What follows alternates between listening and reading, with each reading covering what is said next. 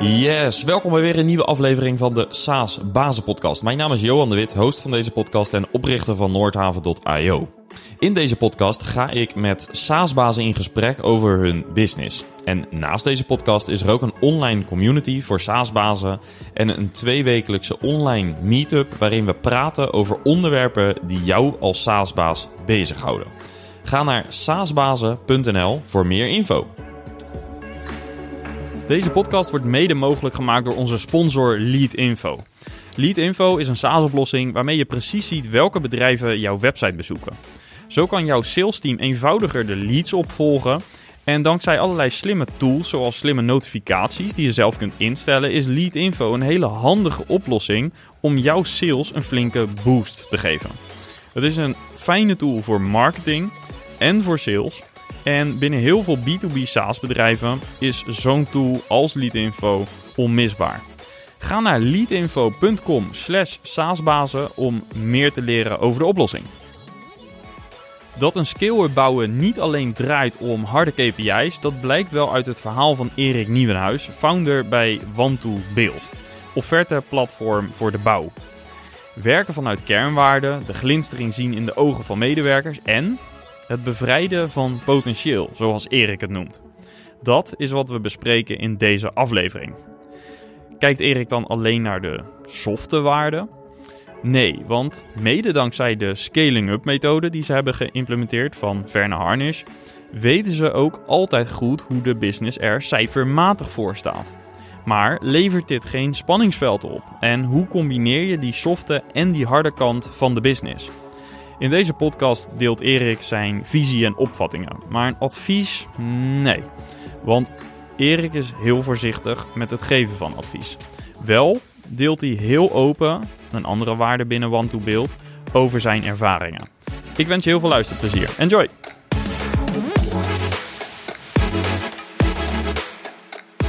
Ja, Erik, van harte welkom in de SaaS Bazen podcast. Ja, dankjewel Johan. Goed om hier te zijn. Ja, leuk. We gaan het vandaag hebben over uh, One to Build. En daar is uh, veel over te vertellen. Dat is uh, jouw, jouw SaaS-bedrijf. Of nou ja, misschien iets meer dan SaaS-bedrijf wel, denk ik. Um, misschien moeten we daar ook maar meteen beginnen. kun je iets vertellen over wie je bent en wat je doet met One to Build? Yes, ja. Um, allereerst ben ik vader van vier dochters. Ik woon buitenaf in, um, in Rectum. Ja, Rectum. Echt waar. Gemeente, Nooit van gehoord. Gemeente Wieren. ja, zoek maar eens uh, op op Google wat dat betekent. Maar um, ja, dus... Uh, ik heb een vermoeden. Ja, ja En ik woon vlakbij kantoor in Nijverdal. En nou ja, daar uh, um, um, is het kloppende hart van mijn zoontje. en die heet Want to Build. En dat is 14 jaar geleden begonnen. Ja, dus vijf kinderen eigenlijk. Ja, ja, ja mooi. Ja. En uh, dat is 15 jaar geleden begonnen. Kun je ons een beetje meenemen naar uh, ja, het idee? Wat was het idee? Wat was het probleem dat je wilde oplossen?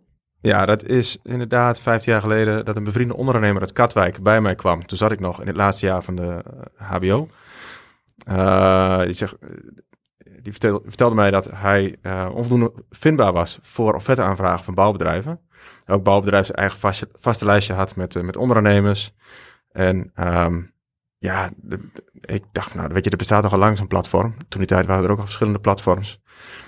Um, maar dat bleek nog niet te bestaan. Wel van overheid naar, um, naar de hoofdaannemers toe. Aanbestedingskalender.nl was dat uh, tegenwoordig Tendernet. Maar niet die vervolgstap. En dat in combinatie met dat er op het bouwbedrijf van mijn vader, Nieuwenhuisgroep uit Rijssen, een grote hoeveelheid eh, bouwtekeningen, papier met die offerte-aanvragen werden meegestuurd naar uh, de ondernemers toe, maakte dat ik dacht van ja, 1 plus 1 is 3. Dus en uh, fors besparen, het bleek tussen de 20 en de 60.000 euro per jaar op reprokosten en papieren romslomp. Als ook die markt transparant maken, dat wil zeggen één ondernemersdatabase van Nederland. Ja, zodat de hoofdaannemers uh, een mogelijke opdrachten konden wegzetten en dat onderaannemers daarop konden inschrijven of iets dergelijks. Hoe moet ik nee, dat andersom. Zien? Dus uh, bij Tendernet is het inderdaad zo dat je opdrachten kan vinden. En op Want Build is het zo dat je uh, gevonden kan worden voor offerte aanvragen van bouwbedrijven. Ja. Dus en... je kan niet op zoek naar projecten. Je kan alleen gevonden worden om zeg maar uh, exclusieve offerte-aanvraag te ontvangen. Ja, precies. En uh, je zegt al, uh, nou, bedrijven konden heel veel besparen op al die printkosten en dergelijke, maar ze kregen dus ook eigenlijk ook een nieuw kanaal om zichzelf zichtbaar te maken. Ja. Um, wat zijn de eerste stappen geweest die je hebt gezet om dat platform op te zetten?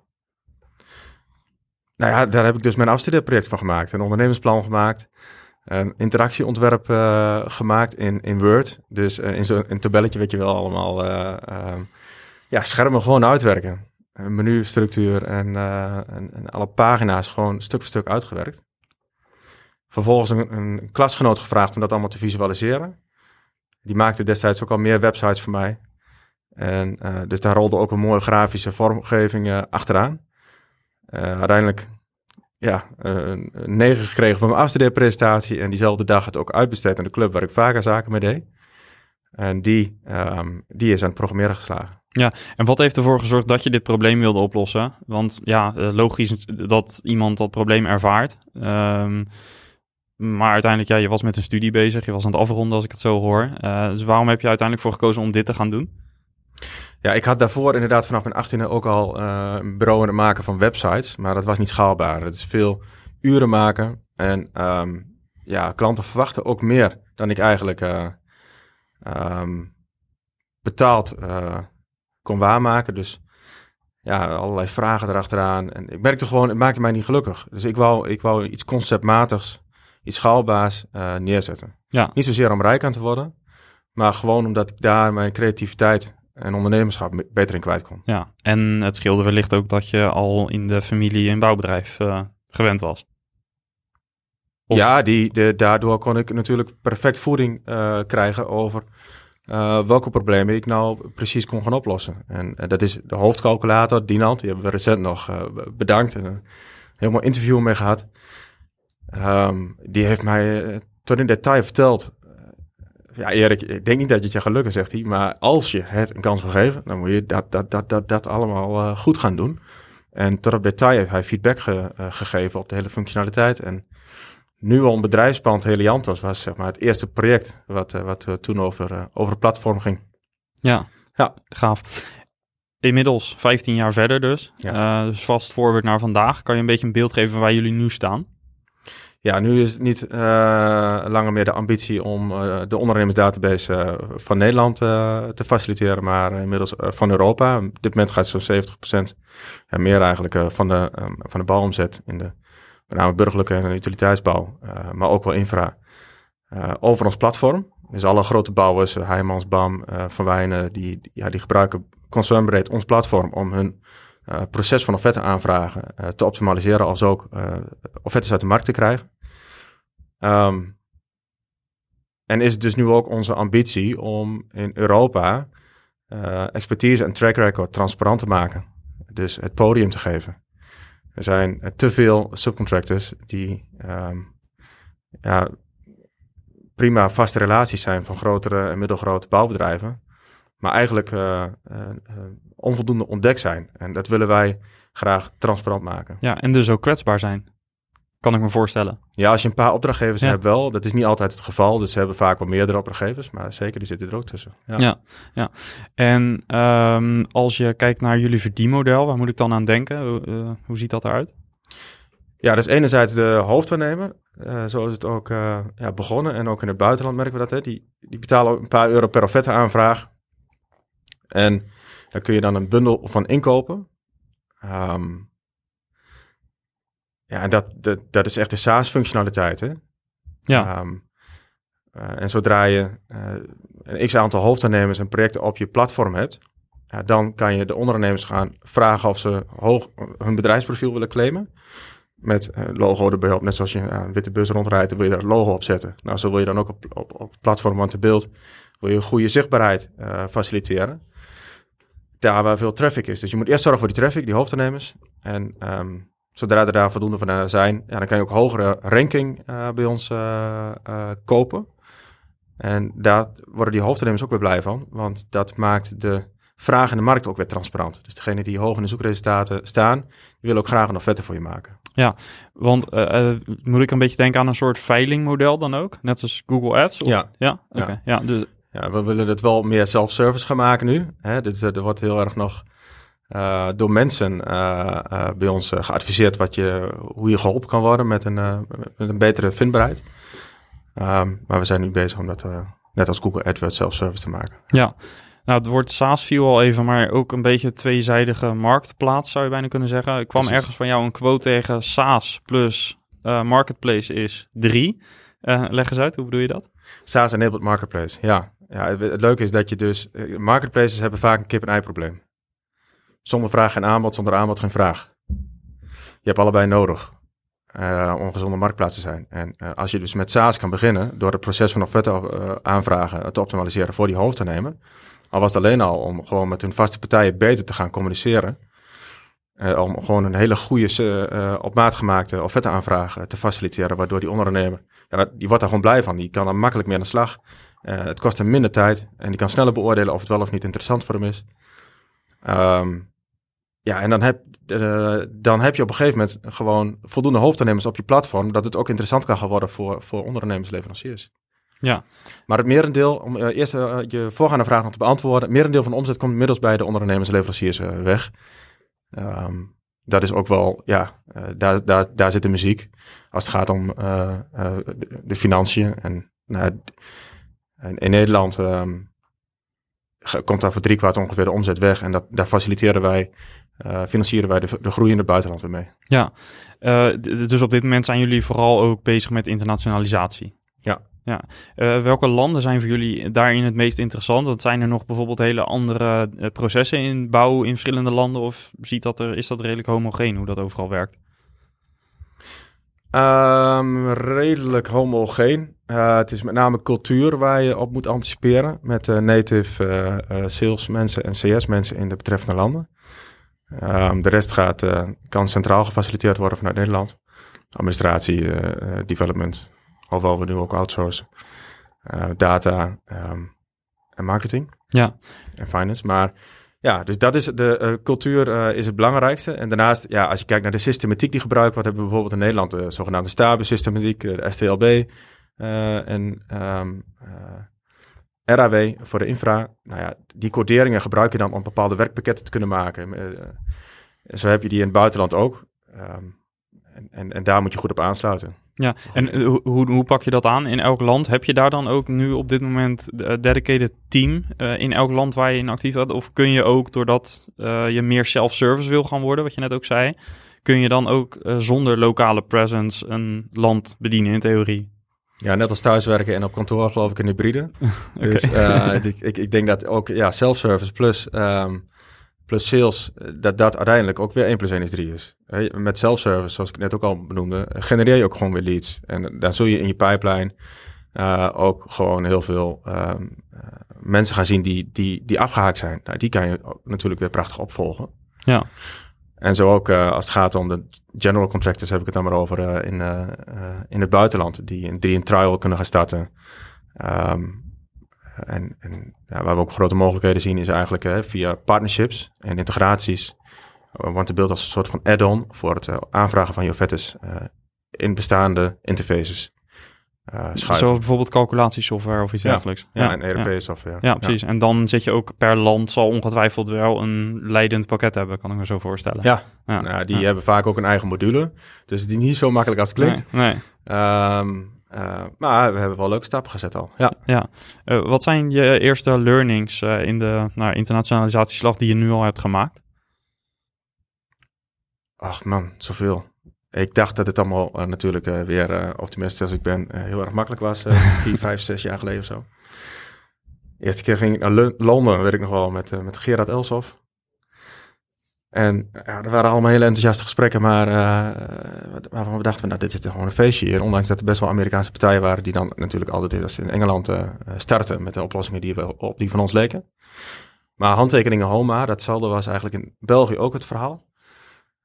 Waar we daarna naartoe gingen, Um, tot op het moment dat we daar een overname deden van uh, DPAS, dat is een vergelijkbare functionaliteit die heel erg onder onze prijs uh, uh, doorging. En ja, als Belg toch wel wat klanten kreeg. En nou, die, hebben we, die belden me op en zullen we niet samen gaan, Erik? En nou ja, dus... Die belde jou op. Ja, ja. En dus, dus, dus kon ik kunnen overnemen. En dat heeft wel ja, geholpen natuurlijk, hè. Ga je dat ook kopiëren in andere gebieden? Ja, dat denk ik niet zo snel. Ik zie nu wel dat er zwaar gefunde start-ups zijn in Duitsland, in Frankrijk. die, die, die laten zich niet zo snel overnemen, denk ik. Nee. En wat is je strategie om daar de slag mee aan te gaan? geloof in eigen kracht, 14 jaar track record, goed weten waar je het over hebt. Want hoe eh, bouw je een database in zo'n nieuw land? Want ik neem aan dat dat een belangrijk onderdeel is van je succes weer. Ja, daar hebben we een heel plan voor, um, hoe, je dat, hoe je dat doet. Nieuw region onboarding heet dat bij ons. En, daar ja, doe je verschillende acties voor. Je koopt data aan, uh, je crawl data. Je hebt mensen in tent zitten die um, allerlei uh, ja, data bestanden verwerken. Onze community, hele belangrijke, die, die, die, levert input. Dat beoordelen we dan weer zelf en verrijken we. En de community? Wiki, Wikipedia-achtige manier moet je dan aan denken. Dat gebruikers mutaties kunnen voorstellen. Uh, als ook hoofdondernemers die, uh, zodra ze op ons platform uh, van start willen gaan, ja, die willen hun vaste partijen natuurlijk terug kunnen vinden. Ja. Zonder dat het op straat komt, uiteraard. Um, hè, dat wordt dan gemarkeerd met een sterretje, zodat je heel makkelijk met een gele ster je vaste relaties, jaarcontracten en een groene ster, je, je goedgekeurde relaties terug kan vinden in de zoekresultaten en kan doorfilteren. Ja, dat wil je automatiseren. Dus wat doen ze? Leveren een hele ondernemersbestand bij ons aan. En dat is natuurlijk ook weer een fantastische verrijking ja. voor, um, voor ons om, om snel die database te bouwen in een nieuw land. Ja, mooi. Um, nog even over die fase. Uh, we hebben het gehad over de hele vroege fase en we hebben het nu over ja, hoe het er vandaag voor staat eigenlijk. Mm -hmm. kun je ons meenemen in uh, de, de, tussenliggende periode? En dat moeten we dan een beetje in sneltreinvaart doen natuurlijk. Ja, ja. maar elke start-up heeft wel zo'n typisch start-up verhaal, zo'n anekdote. wat heel erg de beginperiode kenmerkt. heb je daar ook iets, kan je ons daar ook in meenemen? Ja, dat wat kiezen. um, het mooiste is denk ik wel dat uh, we op een gegeven moment heel erg voor het blok stonden. We hadden in het begin hadden we de reprodienst hadden we uitbesteed aan een leverancier die uh, ja, failliet ging. Uh, dus de curator die doet daar gewoon de deur op slot. En we hadden van dag 1 op dag 2 gewoon geen plotten meer. Want ja, voor de luisteraars in het begin, zeker de bouw, ehm, ja, kun je alleen maar meenemen in een digitale oplossing als je dus ook het alternatief wat ze gewend waren goed blijft faciliteren. En dat was papier. Dus 25%, eerder ging alles op papier de deur uit, maar 25% uh, van de ondernemers die bestelden nog papier. En heel makkelijk, hè, druk op de knop was voor ons een prima businessmodel.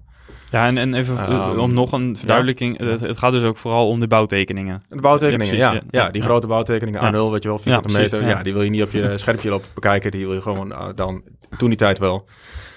Um, dus daar hadden we leverancier voor. Maar goed, die ging dus failliet. En, uh, maar die bestellingen kwamen wel binnen. Dus wij, Robert en ik, Robert die kwam, uh, is onze development manager nu. Maar is ook weer uh, uh, 12 jaar, uh, 13 jaar verder. Um, gingen naar het kantoor van mijn vader. Stond de TDS 600 van OC. En uh, daar hebben wij gewoon op Ctrl-P lopen drukken. En Saal was heel hard aan het afdrukken geweest. en ik dacht van, hey, TDS 600, googelen, uh, Marktplaats. Ik zag zo'n ding te koop staan bij Paul uit Brabant. En um, um, aan ADS Graphics, nou, echt wel een prima club ook. En die kon ook het onderhoud nog weer faciliteren. Maar als er daar dure servicecontracten op, had ik allemaal geen geld voor. Dus er kwam een Duitser uit, uit het, uh, een, een Duitser kwam, kwam die machine bij ons servicen. Maar goed, een week later zaten we dus in een kantoorruimte in reizen met zo'n TDS 600. Want ja, Nieuwenhuis had dan natuurlijk al uh, helemaal uh, groepen perfect bekeken of dat dat een goede machine was. Dus het was snel handelen. En um, leuke uh, anekdote die daar eigenlijk bij hoort is dat we... Um, ja, op een gegeven moment was, hadden we zo... Er ging echt een auto vol met papieren um, naar de post terwijl het sneeuwde en onze ruiten is kapot. dus wij allebei, raampje naar beneden, hoofd naar buiten, hebben die auto toch bij de post kunnen krijgen. Maar Fantastisch. Ja. ja. Ja, dat schetst ook wel weer de drijf, de ondernemersdrijf die erin zit. Het moet gewoon uh, gebeuren. Moet Linksom gebeuren. of rechtsom. Ja, ja. ja. ja dus eigenlijk uh, uh, zo'n leverancier, echt een key leverancier, een key partner, die kan dus van het een op het andere moment niet meer leveren. En ja, wat doe je dan? Dan ga je gewoon zelf machine regelen. eigenlijk alles erop en eraan om te zorgen dat je operationeel blijft. Ja, dat is nu overigens een eigen bedrijf die prima de eigen broek kan ophouden. Plotgemaakt.nl, postergemaakt.nl. Uh, web ja, want je hebt er dus ook zo, echt een business dus van gemaakt. Aparte BV, ja ja, ja, ja, ja, Mooi. En uh, ja, wat ik er dan wel weer mooi aan vind, is ook de, nou ja, het onder, de ondernemersdrijf die daar natuurlijk in zit. Um, maar ook, uh, ik weet, ik heb natuurlijk ingelezen in jullie huidige mhm. situatie. Mm -hmm. Nu werken jullie met de scaling-up methode. En nu zit je in een scale-up fase waarbij je natuurlijk heel veel risico's ook probeert te elimineren. Ja. Um, wat kun je vertellen over de keuze voor scaling-up methode? Wanneer zijn jullie ermee begonnen en wat heeft dat jullie gebracht? Ja, je hebt verschillende groeifases in, je, in, in het bedrijf inderdaad. En toen wij rond de 40, 50 man kwamen, ja, dan krijg je dus allerlei groeipijn, allerlei uh, struggles, uh, waarvan je elke keer weer een brandje kan blussen. Maar eigenlijk het gevoel hebt van, hé, hey, maar jongens, ik zit nu het wiel uit te vinden. Volgens mij is er al tig keer door iemand anders uitgevonden. kunnen we dan niet een bepaalde groeimethodiek hanteren? Waarbij we gelijk volgens een bepaalde structuur in één keer iets um, als, als waarheid gewoon gaan aannemen. En, um, en daar gewoon voor 100% voor gaan. En dan, ja, weet je, na een half jaar of een jaar kun je daar best wel weer aan gesloten om het dan iets anders te gaan doen. En dat zijn we toen gaan doen. Waarbij we dus, uh, en scaling up van, van Van Harnish heeft ons gewoon echt heel, heel veel gebracht, ja. ja. En kan je, kan je een, een specifiek uh, verbetering noemen die je het meest waarde heeft opgeleverd? Um, ja, dit hangt allemaal met elkaar samen. In een notendop um, begin je eigenlijk met je droom. Die heb ik je net verteld. Europa, expertise, track record transparant maken en selecteerbaar maken. Um, als je dat dan wil, hè, dan heb je een cruciale hoeveelheid van Europa nodig. Dus je, het meetbare gedeelte van die droom, dat heet de BIAC, de Big Harry Audacious Goal, is 70% van Europa, zoals we dat nu in Nederland hebben, maar dan in Europa. Als je vervolgens daarvan weer, maar dat is natuurlijk ja, uh, vijf tot tien jaren plan, uh, van gaat afpellen waar daarover uh, drie jaar voor nodig is, kan je daar max vijf prioriteiten voor benoemen. Vervolgens pel je die af van wat daar, wat daar volgend jaar voor nodig is. En vervolgens ga je ROCs, kwartaaldoelstellingen bepalen. Om te zorgen dat je die prioriteit ook echt gaat invullen aan het einde van het jaar. En dan ga je eigenlijk een kwartaal als een heel jaar zien. En zo'n ROC ga je helemaal weer uit definiëren in um, epics, uh, things to do, om te zorgen dat je on track bent. Uh, en, en, dat, en dat meten we, bespreken we elke monthly. Dus je, er zit ook een hele vergaderstructuur achter. Um, van annual, hè, om de jaarperiodes weer te evalueren en opnieuw te definiëren. Tot en met de, de quarterly. Um, uh, annual is een dag, een quarterly is een dag. Om met je leiderschapsteam uh, daar volgens ook weer een strak format goed, goed langs heen te gaan met uh, goede one-pages en structuren die je daarbij kunnen helpen. Um, en vervolgens de monthly, weekly en de daily, om continu met de juiste dingen eigenlijk bezig te zijn. Ja, en hebben jullie al tweaks doorgevoerd? Wat je net zei, dus de, op een gegeven moment na een jaar dan weet je hoe het systeem echt moet werken. Nou, we hadden natuurlijk helemaal nog geen strategie. We hadden een droom. Dus daar begon het al mee. Dus die hebben we gewoon helemaal uh, goed, goed in een goede structuur gegoten.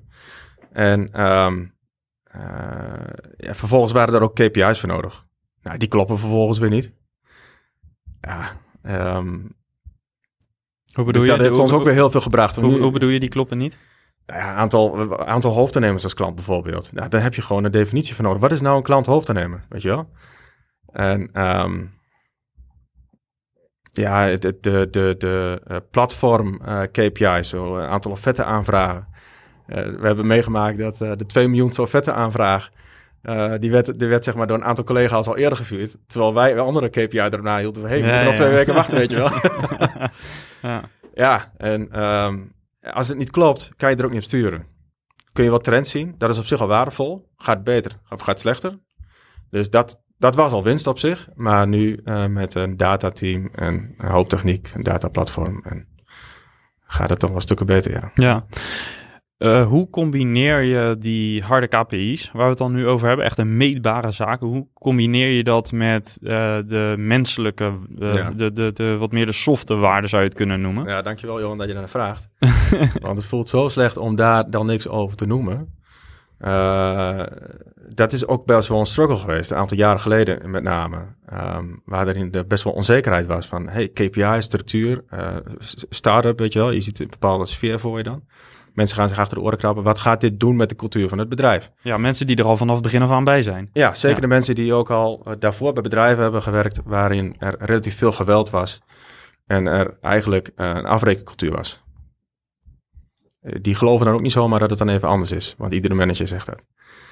Dat het niet zo is. Ehm, dus ja, gelukkig begint scaling up is over vier assen. Hè? Dat is people, strategy, eh, execution en cash. En het begint gelukkig bij mensen. En zo sta ik er persoonlijk ook heel erg in. Ehm, wat mij drijft persoonlijk is het potentieel bevrijden bij mensen en in de markt. Daar word ik heel erg gelukkig van. Er zijn mensen bij ons eh, binnengekomen met relatief minder glinsterende ogen. Dat is een van onze kenwaarden ook, Joy. We love shiny eyes staat daarbij. Ehm, daar word ik heel gelukkig van. Mensen gewoon eh, ja, hun eigen talent en potentieel ontdekken. En ehm, bij ons dat kwijt kunnen in de organisatie.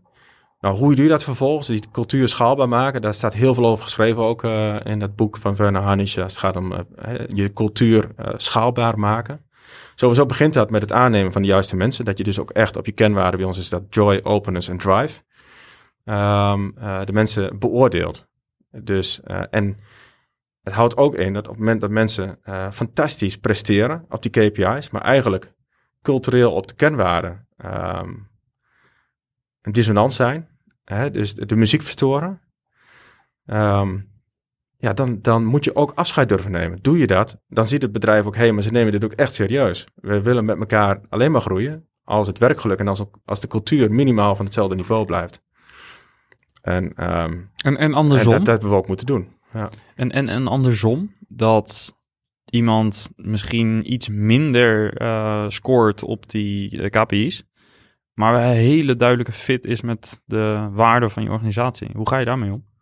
Ja, daar, die, daar, hebben we dan een zwak voor, zoals ze dat zeggen. Weet je wel, daar ga je alles aan geven. Ik zeg altijd, mensen eh, zeg maar ge- gedreven zijn, eh, echt drive hebben en slim zijn, ja, dan moet je er in principe alle kanten mee op kunnen.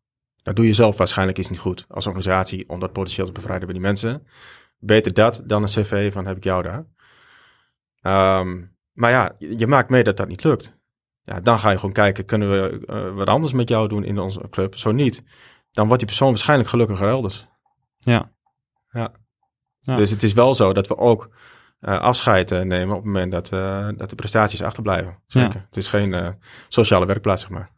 En hoe vertaal je dit naar je managementteam?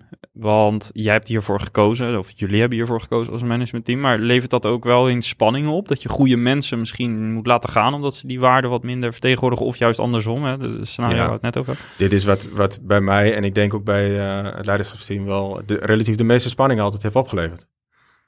Ja. Dus ehm, het zijn de mensen waar je, waar je van wakker ligt soms. En ehm, want je wil niet afscheid nemen. Je wil gewoon dat het gaat lukken. Ja. Ja. Maar Ja. je wordt er wel, eh, weet je, en, en die spanning is ook een, de onderliggende emotie van, van, van spanning en stress is denk ik onzekerheid. Dus je ligt wakker omdat je niet precies weet van wat moet ik doen. Hè? En ehm, eh, op het moment dat je daar zicht op krijgt, door dat gewoon aandacht te geven en dat bespreekbaar te maken, vooral met de mensen zelf, eh, maar ook met een coach of binnen het leiderschapsteam, waar we nu ook collectieve intelligentie noemen we dat dan oppakken. Hè? Dus dan gaan we elke maand, elke week staat er, eh, hoe gaat het met onze mensen, hoe is de muziek in de teams? Ja, dan worden er soms ook gewoon dingen besproken waar, waar een leider even op vastloopt. Die heeft even een klankbord nodig. Ja. En dan kan je die, die spanning weghalen. En, en dan ontstaat er in één keer weer zicht. En kan die persoon body krijgen om het, om het aan te gaan pakken. Ja. Misschien een beetje een rare vraag, maar hoe meet je dan het- dat werkgeluk, hè? dus die, die joy? Want ergens, eh, misschien is het wel de paradox in de vraag al. Want Mhm. moet je dat dan meten of is dat Ja. iets wat je ziet? Hoe doen jullie dat? Beide. Ja, ik denk eh, dat het vooral begint met elkaar goed in de ogen kijken. En eh, hoe gaat het nou echt met je? En dat woord echt ook gebruiken. Ehm, dat maakt ook onderdeel uit van onze vergaderstructuur. Maar daarnaast bij het koffiezetapparaat, gebeurt gelukkig weer meer. Eh, en in de wandelgangen. eh, en in de videomeetings trouwens ging het ook prima. In één op één gesprekken. Zeker als je een gevoel hebt van, hey, ehm, klopt dat wel? Daarop doorgaan. Dus ja, dat, dat is denk ik het belangrijkste. En daarnaast hebben we ja, verschillende meetinstrumenten waarbij we ook werk, eh, werkgeluk eh, uitvragen, inderdaad. En eh XO is er een van, ja, 360 graden feedback tool. Ehm, een, survey waarmee we werkgeluk hebben gemeten op verschillende manieren. Ehm, het is niet de tool, het, is, ja, het zijn de juiste vragen stellen en zorgen dat het ook goed binnenkrijgt. We gaan nu ook weer uh, uh, traject Great Place to Work ehm, starten. er komt ook weer een fantastische vragenlijst uit naar voren, wat ook weer heel veel inzicht geeft. En het is eigenlijk continu ja, werk aan de winkel om elke keer maar weer beter te worden, ook als, om een goede werkgever te zijn en zorgen dat het werkgeluk zo hoog mogelijk is. Waarbij de verantwoordelijkheid primair, geloof ik, ligt natuurlijk bij de mensen zelf. Hè? Dus alleen je kunt ze wel helpen. ja. Nu heb ik ergens gelezen dat jij het heel belangrijk vindt om E-players binnen te halen. Ik denk dat elke ondernemer dat belangrijk vindt. Mhm. Eh, wat is een E-player voor jou dan? Ehm, ja, in eerste, in eerste, in eerste plaats een, een, een, eh, een 100% match met de, met, met de kenwaarden van, uh, van ons bedrijf. Um, hè, dus iemand die de, die de 100% vergaat, de drive. Um, dream big, work smart and hard openness, dare to, to get naked. Dus laat jezelf zien. Uh, alleen op die manier kan je groeien. Houd geen informatie achter. Wij vinden dat belangrijker dan vertrouwen. Omdat Wat is het verschil tussen die nou ja, vertrouwen kan geborgd blijven uh, via de weg van transparantie. Um, dus op het moment dat je gewoon altijd maar open blijft, ja, dan, dan kan er, zo, zou je kunnen zeggen, ook is er geen mogelijkheid om onkruid te laten groeien alles blijft continu in het licht staan. Dus op het moment dat er iets, iets, zich iets voordoet, ja, dan wordt het al snel bespreekbaar gemaakt. Open en krijgt het, krijgt het geen kans om, om te groeien. Ja. Ja, en uh, nou ja, goed, enjoy natuurlijk. Ja. Dus wij letten op de glinstering in de ogen, we love shiny eyes uh, van de mensen. Ja. En nou ja, dat is dus primair. En daarnaast natuurlijk allerlei taakgerichte zaken die in de topgrading, uh, daar hebben we een heel formulier voor, wat in twee gesprekken door de mensen zelf met wie ze gaan samenwerken dus uiteindelijk minimaal vier mensen die, die, die, die de kandidaat beoordelen. Um, uh, wordt dat langs gegaan waarin er gewoon A, B of C uh, player wordt, wordt ingevuld met een toelichting daarachter. Um, ja, dat, dus daar gaan we gebruiken we de top grading methodiek voor. Dan kan je googlen en dan zie je meer. Ja, ja precies. hoe ga je dit ook um, behouden of misschien zelfs versterken, deze cultuur, als je meer internationaal gaat en misschien uh, want je bent headquartered nu dan in Nederland. Maar je mhm. zal, als je die dekking in Nederland wil, of in het buitenland wil, je gaf al aan, dan wil ik ook wel hier en daar sociaal of lokale presence hebben. Mhm. Ehm, eh, ja, hoe kun je die cultuur behouden? Enerzijds omdat je al wat meer op verschillende locaties zit. En anderzijds omdat je ook natuurlijk in elk land ook weer met bepaalde andere culturele ja. Uh, invloeden ja, Er zitten wel uitdagingen. We hebben een aantal native uh, mensen uit Frankrijk, Duitsland nu in de club. Uh, dus er wordt nu Engels gesproken tijdens de teamdag. Dat is ook wel grappig. Dat zat ook voor hilarische dingen soms. Um, maar dat ging eigenlijk best prima. Laatst hebben we de zeven eigenschappen van COVID behandeld. Ja, en, dat gaat best wel diep. En mensen moeten daar dan ook in het Engels daar de woorden voor gaan vinden. En nou, dat is hartstikke cool eigenlijk. Daarvoor hebben we het thema diversiteit gehad om ook bewustzijn, gewoon, het, eigenlijk is het heel vaak werken aan bewustzijn. Hè? Dus drie teamdagen per, per jaar hebben we om te werken aan bewustzijn, om bijvoorbeeld inderdaad beter te gaan samenwerken met andere culturen en mensen die uit andere landen met ons uh, samenwerken. En um, ja, die mensen ook gewoon interviewen. We hebben een, een goede content marketeer, Tiffany.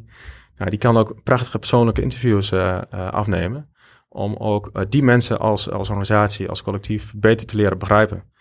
Een van de eigenschappen van COVID is eerst, eerst begrijpen, dan begrepen worden. Dus ja.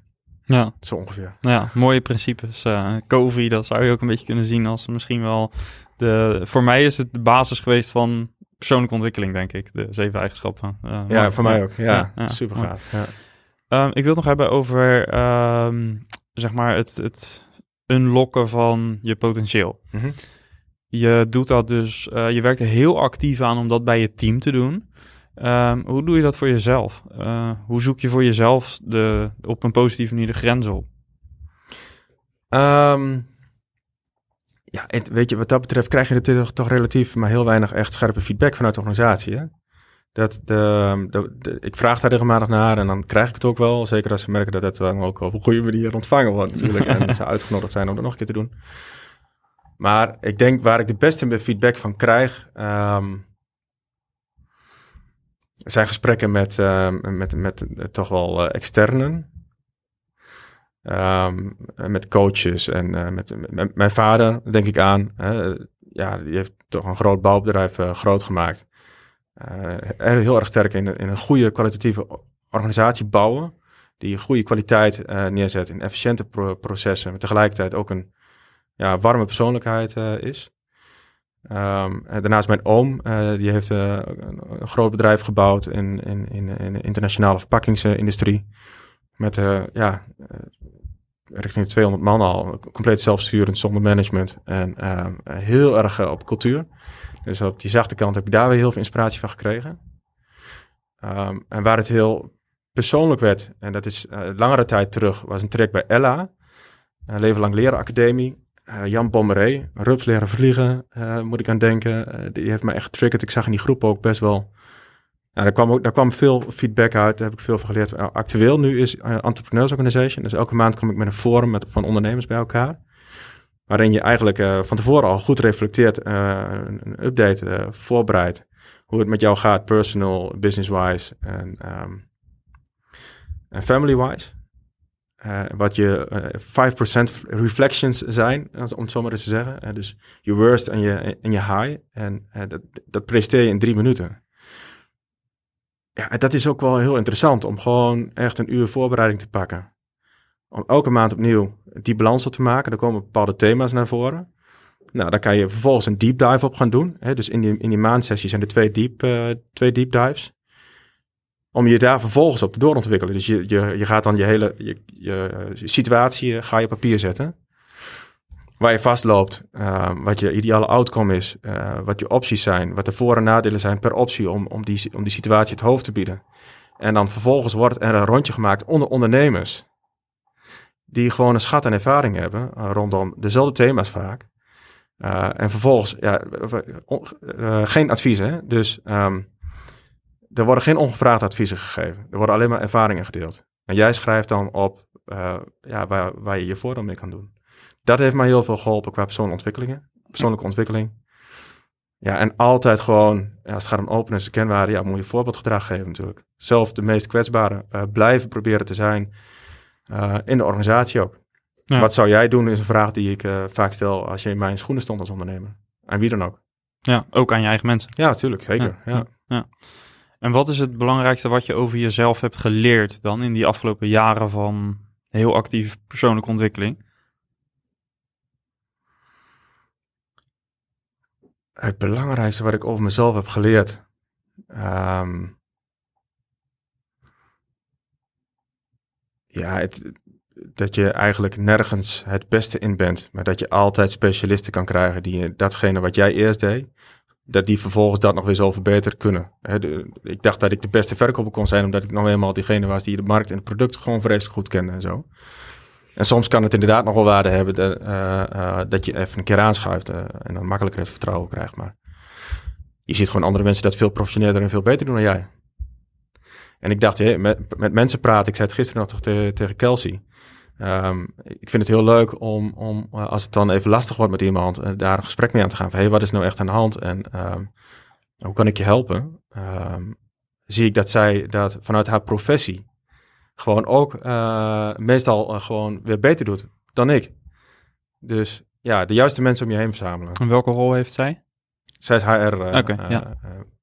Verantwo verantwoordelijk voor HR bij ons. Zowel recruiting als ook goed op de mensen passen. Ja goed voor de mensen zorgen. En uh, dat doet ze hartstikke goed. Ja. Um, zelfsturing, dat woord viel al bij het bedrijf van je oom natuurlijk. Nou, mhm. hier blijkt ook wel uit dat je echt op zoek bent ook naar structuren om meer zelfsturend te worden. Mhm. Hoe ziet jouw rol er over een jaar of vijf uit, denk je? Um, ja, meer op afstand. Uh, uh, er staat nu gewoon een fantastisch leiderschapsteam. Uh, dat is het belangrijkste. En um, het sluitstuk is nu om een, goede directeur um, uh, te vinden. Een chief growth officer die, die uitrond naar Europa gaat, een boost gaat geven. vanuit ervaring, vanuit track record. natuurlijk een persoon die wat een match is met onze cultuur, zoals ik net heb verwoord. En um, ja, dat geeft mij de gelegenheid om weer meer klantcontact te hebben, meer met de mensen te kunnen praten en me zo op die manier ook beter te laten voeden, ook weer op, op, op strategie. Uh, ook gesprekken te voeren met M&A-partijen. Uh, eh, ondanks dat we niet op zoek zijn, um, uh, kan het later wel nodig gaan zijn. En dan moet je niet gaan beginnen. Dan moet je die partijen kennen en de mogelijkheden kennen en daar een mening over hebben. En valt me op dat die partijen heel goed weten en hoe de markt nou werkt. Hè, die, die hebben gewoon een heel goed beeld hoe die construction tech er nou eigenlijk uitziet wereldwijd. Daar heb ik al heel veel van mogen leren. En, uh, nou, en die halen op hun beurt ook weer net op bij mij. En zo voeden we elkaar. En um, ja, dus dat. Uh, en, en, een rol van cultuurbewaker. Dus uh, gedrag, signaleren, adresseren in organisatie. Wat niet past, past bij onze cultuur en ook andersom natuurlijk. Hè. Belonen, het podium geven, dat doen we ook tijdens teamdagen. Voor, goede voorbeelden laten zien, dat werkt nog veel beter. Ja. ja. En als uh, je gaf al aan, eigenlijk gaat het er vaak niet om dat je een advies geeft, maar dat je spiegelt of dat je inderdaad vraagt van wat zou jij zelf doen en, en waarom misschien ook wel. Um, toch, al zou je toch een advies moeten geven aan ondernemers die ook in zo'n fase zitten, die je zelf ook beschreef, hè, richting de 40 mensen. Uh, waarbij je merkt dat er behoefte komt aan een uh, bewezen structuur of aanpak om een orgaan aan te sturen. Uh, als, als je in die fase zit met dat soort groeipijnen, al zou je nu voor een grote groep SaaS-bazen staan die in die fase zitten, wat zou je ze mee willen geven dan? Ja, dan is het, uh, ik, um, dat vind ik wel lastig om dat advies te gaan geven. Dus dit is een ervaring die ik heb opgedaan. Als dat, als dat jou inspireert, uh, ja, vraag dan verder zou ik zeggen. Maar ik durf niet, ik, ik, ik wil dat niet projecteren op elke organisatie. Van dat iedereen is daarmee geholpen. Dat, zeg, dat zeggen de mensen bij Scaling Up. Uh, we hebben ons laten begeleiden hè, in een traject van elf maanden. Scale Up Company, topbedrijf, hartstikke goede coach, Martijn. Dankjewel. Um, uh, die liet ook gewoon heel erg goed zien dat ik dus niet uh, zo'n hele goede operationeel manager ben, om het uh, heel zachtjes uit te drukken. Um, ja, dat zijn gewoon heel veel positieve ervaringen. En nou ja, en al gegroeid ben ik bij verbonden als coach. Ik denk dat dat ook een goede eerste stap kan zijn om eens een, te kijken van wat zijn nou jouw uitdagingen. Hè? Kun je, bij NL Groeit kun je daar ook een assessment afnemen van hey, Waar liggen mijn uh, grootste groeipijnen eigenlijk? En vervolgens kan je daar een coach uh, bij zoeken die, um, die je daarbij kan gaan helpen, heel specifiek. Ja. Dus het begint bij het probleem. Ja, ja en ja. dus uh, de, de antwoorden moeten van binnenuit komen. Dat is volgens mij echt wat er in elk antwoord bij heel erg in zit. Klopt dat? Um, sorry, nog een keer? Dat de antwoorden vooral van binnenuit moeten komen. Ja, inter, zonder intrinsieke motivatie en kwartje wat valt, uh, kan je heel veel doen, maar dan schiet het niet op, nee. Nee. Ja, en het begint ook denk ik gewoon bij van, ja, waar struggle je nou het meest mee? Um, in plaats van, net, dat zie je bij software selectie trajecten ook wel, dan kun je een hele sexy tool hebben. Hele, qua HR bijvoorbeeld, weet je, dat is dus niet de oplossing. Het begint bij van, wat, wat wil jij nou uh, gaan verbeteren? En daar zoek je vervolgens uh, de beste tool bij. Ja, ja. Uh, ook dat is iets, er wordt heel vaak gevraagd hè, om tools. Of uh, ik doe dat zelf ook vaak. Uh, dat ik denk van ja, wat voor tool zou ik moeten hebben voor dat of dat proces. Ja. Terwijl je er vaak achter komt dat de tool meestal heel erg ondergeschikt is. Ja. Het is vaak veel meer de vraag daarachter. ja, wat ik ook wel merk is ook, en bij ons ook, dat er ook heel veel is wat je niet weet. Hè? En dat maakt het onzeker. Van wat is dan de beste tool? Je ziet vaak halverwege de implementatie komen er nog allerlei voortschrijdend inzicht naar boven. Waarbij als je dat van tevoren had geweten, je misschien weer een andere keuze had gemaakt. Ja. Dus, um, nou ja, goed. Gelukkig uh, kan er steeds makkelijker en beter geïntegreerd worden. En kunnen point solutions ook steeds beter aan elkaar geknipt worden. Dat scheelt dan een hele hoop. Ja. ja. Um, je hebt al aangegeven wat jullie B-hack is. Dat is echt voor de organisatie. Uh, en je hebt ook best wel veel laten zien over jou persoonlijk. Uh, maar ik zou willen afsluiten met... Um, dat wat uh, jou, voor, voor jou persoonlijk uh, echt belangrijk is en wat, wat jouw persoonlijk werkplezier oplevert. Wat, wat is dat? Dus wanneer uh, kijken we twee, drie, vier jaar verder in de tijd? hoe moet het bedrijf, de organisatie eruit zien? Um, zodat jij je ook ja, en kunt blijven ontwikkelen, wat belangrijk voor je is dus. En dat je ook ja, het gevoel hebt dat je dit wil blijven doen. Ja, hetzelfde als ik ehm, nou, zo ben ik eigenlijk niet begonnen. Ik begon met iets van, ik, ik, zie, ik, had een droom voor me van, hey, dit, dit wil ik gaan doen. Um,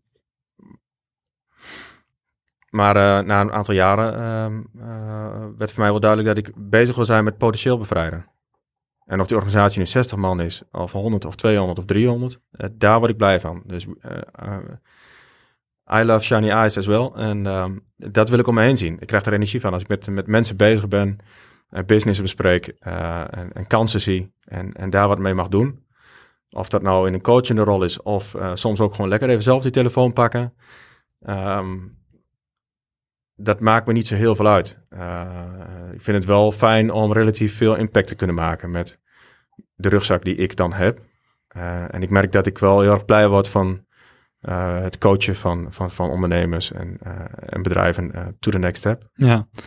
Waarom kies je voor het woord potentieel bevrijden in plaats van bijvoorbeeld potentieel benutten of iets dergelijks? Want in bevrijden, het, het klinkt een heel bewust gekozen woord. Ja, ik, ik geloof dat het vaak gevangen zit. Er zit een kooi omheen. Um, uh, waarvan je bewust moet maken, uh, raken wat, daar, wat het is. Dus het, het hoeft alleen maar te gaan stromen, weet je wel. De, mensen worden vaak tegengehouden door angst of um, de wat voor beperkende overtuigingen dan ook. Dat je dat kan weghalen. De mensen durven gewoon fouten te gaan maken en te gaan. Ja, dan, uh, dat is genieten. Dus het zit al in je, ja. um, maar iets houdt je tegen. Hoe vind je, want de, de eerste stap is dan een, het bewust worden daarvan, denk ik. En dan het, onder, het identificeren ervan. Uh, hoe, hoe ziet dat eruit als jij iemand op die ja. manier coacht? Um, dat doe ik natuurlijk al lang niet meer zelf bij iedereen, maar um, uh, het is vaak onzekerheid en on, on, uh, um, onbewust zijn op bepaalde thema's. Wat bij ons veel geholpen heeft is de disc scan, dat je goed kan zien van hey, waar liggen mijn kwaliteiten. Um, Gaat het over kwaliteit of meer over je stijl, talent. je persoonlijkheidsstijl misschien wel? Of koppel je het ook aan ja, kwaliteit? Talent is een beter Hm. woord dan Hm. kwaliteit, denk ik, ja. Um, maar in de samenwerking kan je daar vervolgens met de kwadranten ook weer op doorgaan in de teams om te zien van, hey, uh, hoe haal ik nou het beste bij, uh, bij die ander naar boven in plaats van dat ik continu in die allergie zit of dat mensen in de valkuil stappen. Dus daar bewustzijn op pakken, want uh, dat kost natuurlijk te zorgen dat, gewoon, dat je de dingen doet waar je energie van krijgt. En dat er zo min mogelijk dingen gebeuren die je energie kosten. En Ja. daar worden we ook in begeleid en geholpen. En je ziet dat het nu iets is in de organisatie ook, waar, waar, mensen gewoon elkaar al mee helpen, waar ik steeds minder zelf voor nodig ben. Denk dat dat een belangrijke is.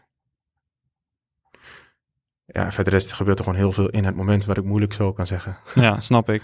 Um, ik zei al tot slot, maar toch nog één vraag die naar voren komt, ook op basis van je vorige antwoord. Uh, ik snap natuurlijk dat je, als je de vraag wilt beantwoorden, snap ik uiteraard dat je geen namen kunt of wilt noemen. Uh, dat is ook niet zo belangrijk, maar uh, heb je een voorbeeld van iemand in je organisatie, uh, echt een mooi voorbeeld van iemand die inderdaad, waar je het potentieel hebt kunnen bevrijden? Niet per se jij, maar gewoon binnen de organisatie. Ja. Heb je daar een mooi voorbeeld van? Van iemand die vast zat en die meer, die, die, die iets heeft kunnen doen, bereiken, wat die zelf misschien niet voor mogelijk had geacht? Um, ja, dat zijn er verschillende. Um, uh, ik denk aan, uh, aan Roel. Roel is webdeveloper bij ons, senior webdeveloper. En um, Roel die heeft bij ons geleerd meer uit zijn schulp te komen. Dus best wel Um, hij, hij praatte zachtjes en um, ja, wat bedeesd. Um, uh, en laat ik maar zo zeggen, is nu veel meer uh, zelfverzekerder. Uh, ik heeft ja, een veel mooier zelfbeeld ook, denk ik, op, op, dit moment dan, dan, dan tien jaar geleden is het alweer bijna, denk ik, acht jaar of zo. Nou, oh nee, langer. Hij is als ZZP'er al begonnen voordat de Robert bij ons kwam. Um, dat is, ja, dus, dus ik zag bij hem, als het gaat, letterlijk zag ik de glinstering in de ogen toenemen. Dat was echt fantastisch om te zien. En ja, weet je, het durven tegenspreken in een meeting, gewoon op een gegeven moment uh, bijna met de vuist op tafel. Nou, dat heb ik hem trouwens nog niet zien doen, maar uh, iedereen luistert gewoon. Want Roel, als je luistert, als, volgende keer is het toegestaan. Ja, weet je, als Roel wat zegt, dan moet je gewoon opletten, weet je wel. Ah, fantastisch. En um, nou ja, bij het repro-bedrijf Dirk-Jan, uh, is er een met afstand tot de arbeidsmarkt. Die komt elke vrijdag ook stevast, ook al hoeft hij niet te werken, komt hij wel op kantoor. Want je vindt het veel te gezellig en ja, dan drinkt hij de mee tijdens de Freemibo en die heeft ook bij ons, denk ik, um, uh, is, die, is die mooie mens geworden. En um, het maakt het mens, uh, het, maakt het bedrijf ook liefdevoller. Dus je ziet ook gewoon... Uh, het voelt de organisatie ook. Ja, ja, ja. Het werkt twee kanten op. Ja. Ja, ja super mooi. Ja, dat zijn de momenten om te vieren als ondernemer ook, hè? Ja, ja. zonder meer. Daar doe je het voor. Heel mooi. Maar het geld kun je allemaal niet meenemen. En ja, weet je, dat is... het, het gaat om het avontuur, niet om het, om het einddoel. Ja, lijkt me een mooie om mee af te sluiten super bedankt voor uh, alles wat je hebt willen vertellen. Ook inderdaad uh, ja, de openheid dus, die je zelf uh, ook van de mensen verwacht. dat je dat ook hier doet voor de microfoon. dat vind ik wel stoer. Want zoals je weet, het komt op Spotify bijvoorbeeld. Dus, ja, dat vind ik helemaal prima. Mensen, mensen gaan het horen. En ik vind dat ja. wel ja, dat is een mooi stuk leiderschap. Dus bedankt daarvoor. Ja, graag gedaan Johan. Jij ook bedankt. Yes, en ben je op zoek naar meer inspiratie? Schrijf je dan in voor de SaaS-bazen Meetup. En luister niet alleen naar het laatste SaaS-nieuws, maar krijg ook een inkijkje in case studies van andere SaaS-startups en scale-ups. En neem zelf ook actief deel aan het gesprek. Ga naar saasbazen.nl en klik op, op Meetup voor meer informatie. Bedankt weer voor het luisteren. Laat een review achter om ons te helpen om de podcast steeds beter te maken. En hopelijk tot volgende week. Bye bye.